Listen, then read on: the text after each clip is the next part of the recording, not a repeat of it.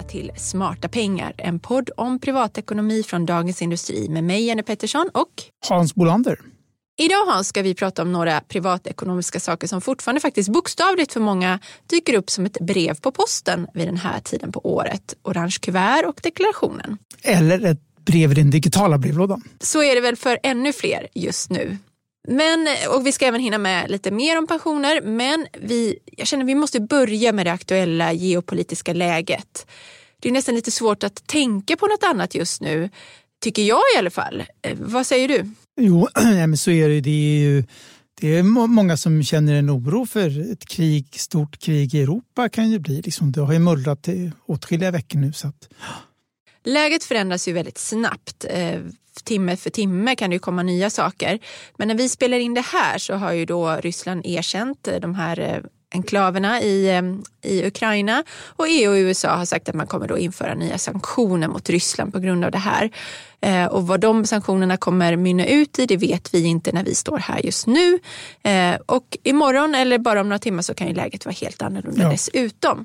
Men vad den här situationen har lett till är ju att vi har haft den sämsta starten efter ett årsskifte på hundra år på Stockholmsbörsen. Börsen är ner ungefär, börsens breda index ska jag säga, är ner cirka 15 procent. Vi hade ju inledningen av året, vi har ju tagit upp börsoron här innan och då drevs Absolut. det ju mycket av eh, liksom, eh, läget då, framförallt i USA där många spår eh, väldigt, ganska många räntehöjningar i år, upp till 6-7 stycken. För de har ju haft inflation på 7 procent och Precis, alltså att, och det som händer i USA spiller ju över förr eller senare på Europa och Sverige när det gäller finansiella Precis. marknader.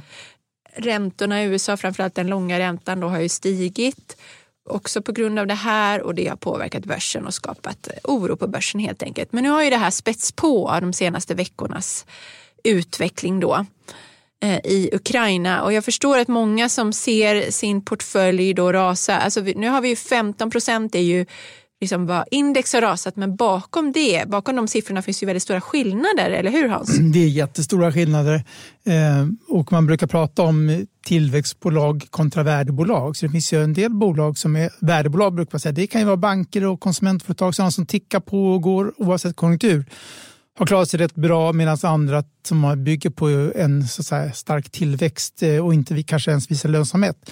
Jag såg ett index på, det finns ett Goldman Sachs har ett index non-profitable eh, tech eh, companies. Det hade rasat 40 procent på tre månader och teknikaktier 20 procent medan värdeaktier ligger nästan kring noll. Men tittar man till fonder och som svenskarnas vanligaste sparform så har ju småbolagsfonder, svenska småbolagsfonder, de har ju fallit med mellan 20 och 30 procent sedan årsskiftet. Det är ett dramatiskt fall. Eh, medan Sverigefonder kanske är någonstans mellan 10-15. Eh, medan då har ju till exempel allt enligt skolboken, blandfonder klarar sig bättre, kanske någonstans mellan minus 5-10 procent. Och obligationsfonder har ju vissa ligger kring nollan. Företagsobligationsfonder har ju också klarat De ligger back ett par procent sedan årsskiftet. Så det Ja, så att det, menar, enligt skolboken, vill man ha lägre risk så har man ju fått lägre risk och lägre värdefall nu. Så att, eh, Mm. Bara, vad säger du? Är, är du förvånad? Ja, vi, nej, det här följer ju precis ett uh, mönster som man kan förvänta sig. Vi brukar ju verkligen trycka på att vi tycker att man ska ha småbolagsfond i sin fondportfölj. För att historiskt så har ju de stigit mycket mer än uh, Sverigefonder, uh, bredare Sverigefonder med storbolag och så. Därför att de har en, liksom en tillväxt och en, utvecklings, um, en annan utveckling. Och det står jag helt fast vid. Jag tycker verkligen att man ska ha det. Men, men, då, men då får man också man får liksom vara beredd på att det händer händer sådana här nedställ ibland. Eh, men, det, men då beror det om man liksom ska, då ska spara på 10-15 år eller ännu längre så kommer det i långa loppet troligtvis inte ha jättestor betydelse utan småbolag har varit en bra investering även fast vi har sett sådana här eh, turbulens även andra tider. Exakt. Och det som jag tittar faktiskt hur de här småbolagsfonderna har gått på tre år idag, då, så när vi spelar in det här. Även fast de har tappat 25-30 procent så har de stigit på tre års sikt mellan 50 till 100 procent. Så att du ligger fortfarande rejält mycket på plus. Eh, så det finns ju så att säga höjd, fallhöjd så att säga, innan du ligger back på din investering. Och Det är det man måste ha i bakhuvudet, att börsen är en långsikt, ett långsiktigt sparande.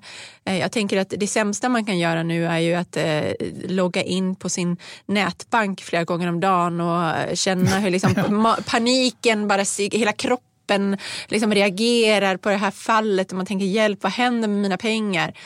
Men så är det ju med börsen. Ja. Det går upp, det går ner. Men historiskt sett har det över tid gått mest upp. Ja, men precis. Det var någon som sa det, jag, vet inte, jag kommer inte ihåg vilket sammanhang, men det var så här, ja, men om man inte liksom tål att ibland faller 10 procent eller mer av ditt, ditt investerade kapital, då kanske man inte ens ska ha aktier eller aktiefonder. Om man tycker det är jättejobbigt. Då.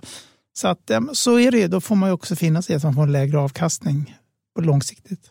Ja, så fundera lite över din riskprofil. Det kan ju vara så att du har lite för mycket aktier. Att man kanske av den anledningen vill vikta ner lite för att eh, minska de här svängningarna. Ja. Så kan det ju vara för någon. Men man brukar ju säga det här, sitt still i båten när, när det händer sånt här. Ehm, det sämsta man kan göra är liksom få panik och paniksälja för att sen då missa uppgången. Jag måste säga faktiskt, jag hörde på vägen in i studion här nu. Ehm, för just, just när vi gick in här, då stod faktiskt börsen på plus efter att ha rasat ja. jättemycket i inledningen av dagen och rasat jättemycket igår. Um, och då liksom spekulerades det kring, så här, har ha, ha börsen bottnat nu? Var, var det här var det här det sista? Har man nu prisat in all oro, all, all tänkbar händelseutveckling och så kanske, kanske det ligger hyfsat still ett tag innan det vänder upp? Det vet ju ingen. Det kan vi, alltså det, vem som än säger någonting om detta spekulerar bara. Ingen vet. Nej, alltså det är inget, alla utbrott av större krig brukar ju ge, och vi har inte sett något sånt utbrott än, det brukar ju ge ett initialt fall. Men de brukar inte vara så långvariga eller jättedjupa. Men om det dessutom spär på att vi får våldsamt stigande energipriser i Europa, om till exempel Ryssland bestämmer sig för att strypa gasleveranser och liknande, då stiger energipriset. Då blir det en dubbel eh, smäll i nyllet kan man ju säga. Så att det, ja, inte, eh, så jag tror mycket väl att det kan falla rätt ordentligt i ett utbrott. Men som du säger, eller i bästa världar så är det här över och, och då kanske det långsamt börjar återhämta sig.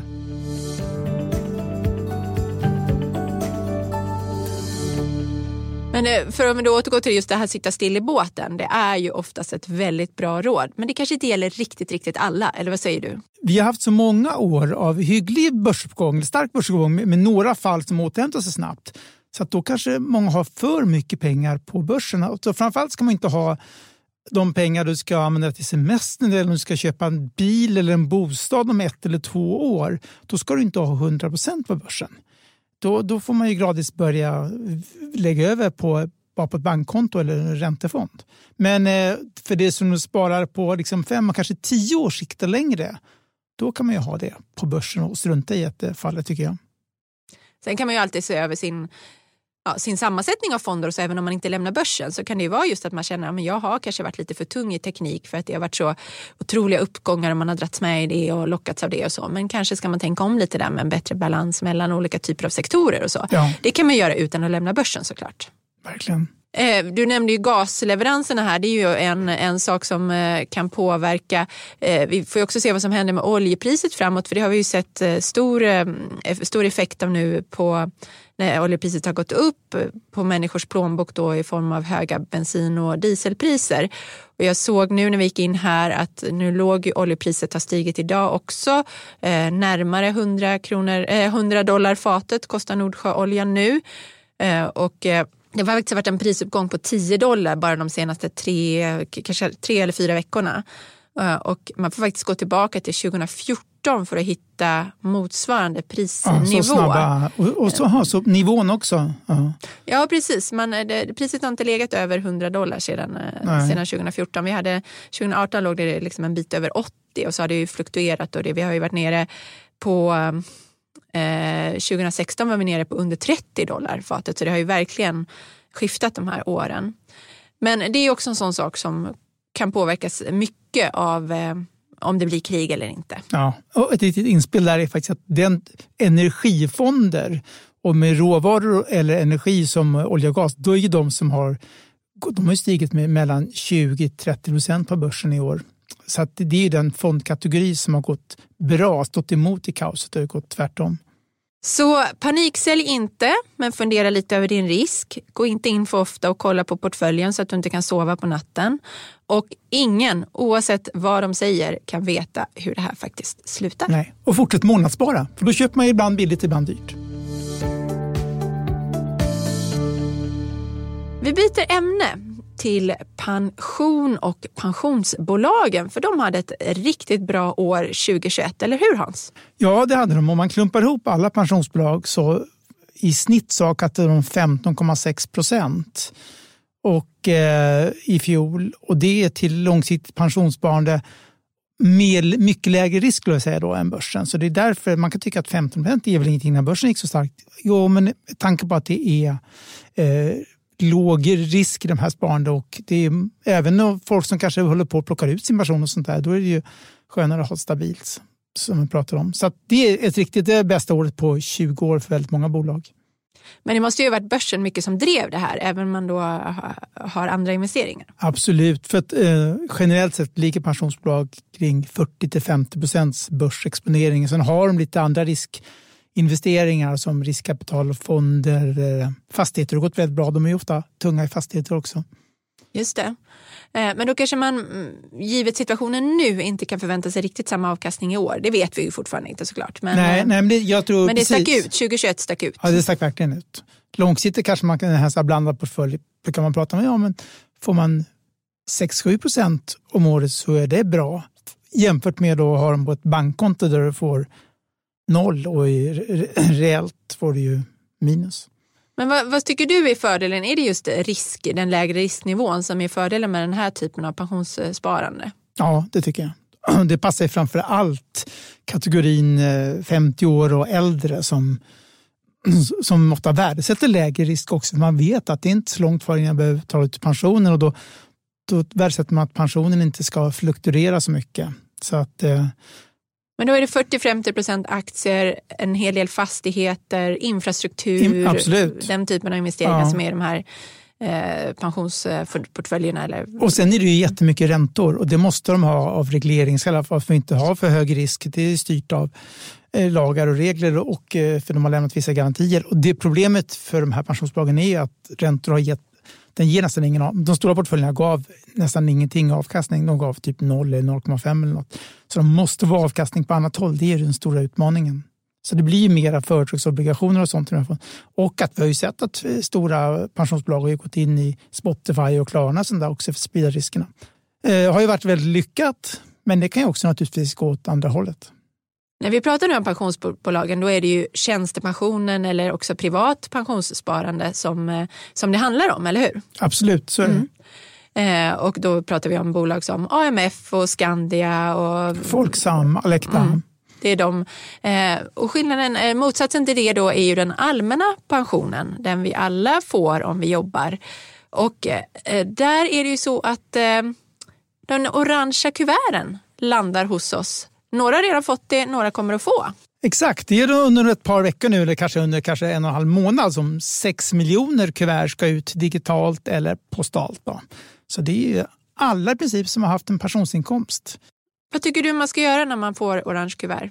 Ja, eh, jag tycker att man ska öppna det. Tyvärr så har det blivit sämre information i det. För ett par år sedan tog man bort prognosen så då fick, alla fick en prognos så här mycket kom för pension. Det kunde vara skrämmande och, och det väckte frågor men då fick ju folk ändå, ändå en så här morot. Ja, men nu ska jag börja ta reda på mer. Kan det här verkligen stämma?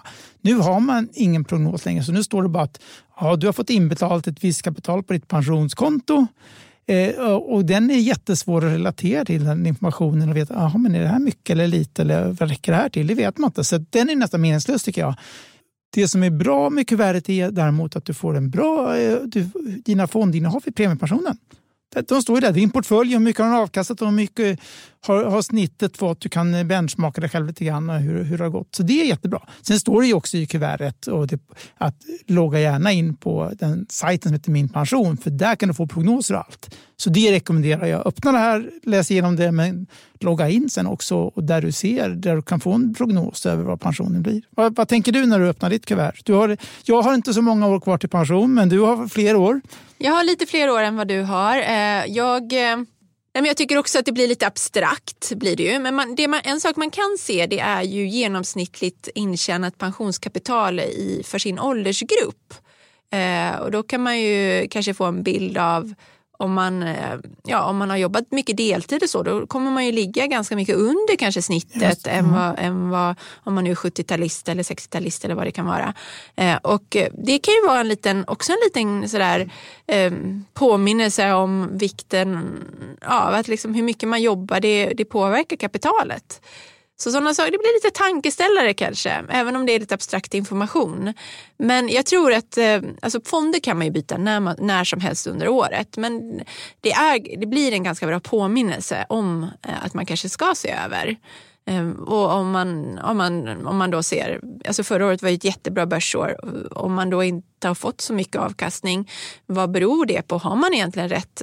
Om man då går tillbaka till risk, ja, är man ung då, då bör man ju ha nästan allt på börsen. Eh, man kan ju jämföra sig med det statliga alternativet. Just det, Sjunde AP-fonden. Sjunde AP7-SOFAN. Eh, den är uppdelad i en aktiefond och en räntefond. Men fram till 56 års ålder så har man 100 procent aktier i den. Mm. Den gick väl kalasbra i fjol? Och den gick kalasbra i fjol. Eh, jag kommer inte ihåg exakt men den, den var ju en av årets bättre alternativ.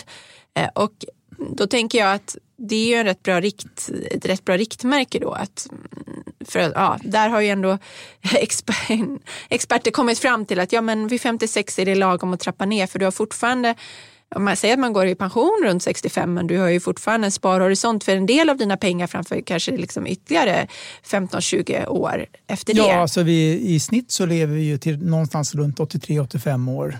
Så att, säga. Så att, det... så att helt minska, alltså gå ner till eh, superlåg risk när man eh, är runt 60 tror inte jag är någon bra idé. Eh, Nej, så, att, jag håller med. så att, jag tycker att det är en bra påminnelse. Jag, tycker att man ska, för, jag måste faktiskt erkänna att jag, jag var ganska skeptisk till det här kuvertet förr och jag tror till och med att jag var ganska många år inte öppnade det överhuvudtaget. Men men det var lite civil olydnad från dig. Ja, men lite kanske. Men, men jag tycker faktiskt att man ska öppna det. Jag tycker att man ska ta tillfället i akt att tänka till kring sin pension. Det är bra att göra det någon gång om året och varför inte då när man får den här praktiska påminnelsen skulle man kunna säga. Ja.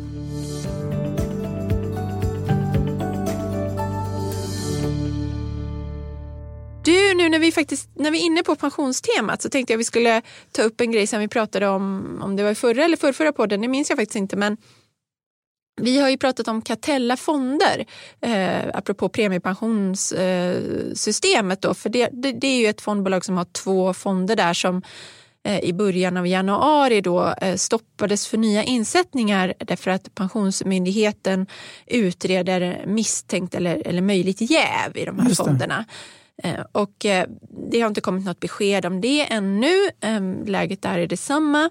Eh, den eventuella intressekonflikten då som det handlar om är att huvudägaren då, ehm, som huvudägarna förnekar, men det handlar om att det finns personer som är involverade både i ägaren då, Atanase och i Catella-fonder och att det, liksom, ja, det har inte funnits några liksom, vattentäta skott däremellan. är ju det som är liksom, tesen då, eller man ska säga, som man, det som man undersöker. Men det som hände var då eh, att kort efter att det här blev känt, att fonderna hade stoppats, så kom nyheten att eh, Catella fonder byter namn. Just det. Till Selina fonder istället. Och så tog man in då ett nytt förvaltarteam eh, som är anfört av en känd blanka profil, Per Johansson från före detta Brummefonden Bodenholm. Och det var väl ett sätt att få någon slags nystart och komma bort från det här dåliga, kanske man började få dåligt rykte och sådär. Jag vet inte om det berodde på att man själva inser någonstans att man har gjort något fel. Nej, det, nej, det vet vi ju inte. Men det som hände, alltså det här verkar ju inte ha blidkat myndigheterna i alla fall. För att även Finansinspektionen har nu inlett en granskning då. Av, ja, just det, för det kom häromdagen. Alltså, precis, de... det kom liksom kort mm. efter det här med namnbytet. Så att eh, fortfarande är eh, Catella slash Selina under lupp. Och vi följer det här för att se vad som händer. Det handlar ju om rätt många miljarder som mm. de har i de här fonderna. Så det, blir, det påverkar ju ganska många och Det här är ju väldigt bra att, att myndigheter, både Finansinspektionen och Pensionsmyndigheten tar sånt här på allvar nu. Så vi slipper fler skandaler modell Allra och Falcon Funds. Där pension, så det här visar väl att de är mer på tårna idag när det gäller att granska dubiösa affärer. Precis, och det är ju bara positivt. Sen så får vi ju se. Ehm, ja, de kanske inte har gjort någonting fel. Det nej, vi, ska inte... Åter, vi ska inte döma någon i förväg. Nej. Men, eh, eh men eh, det är bra att det granskas i alla fall.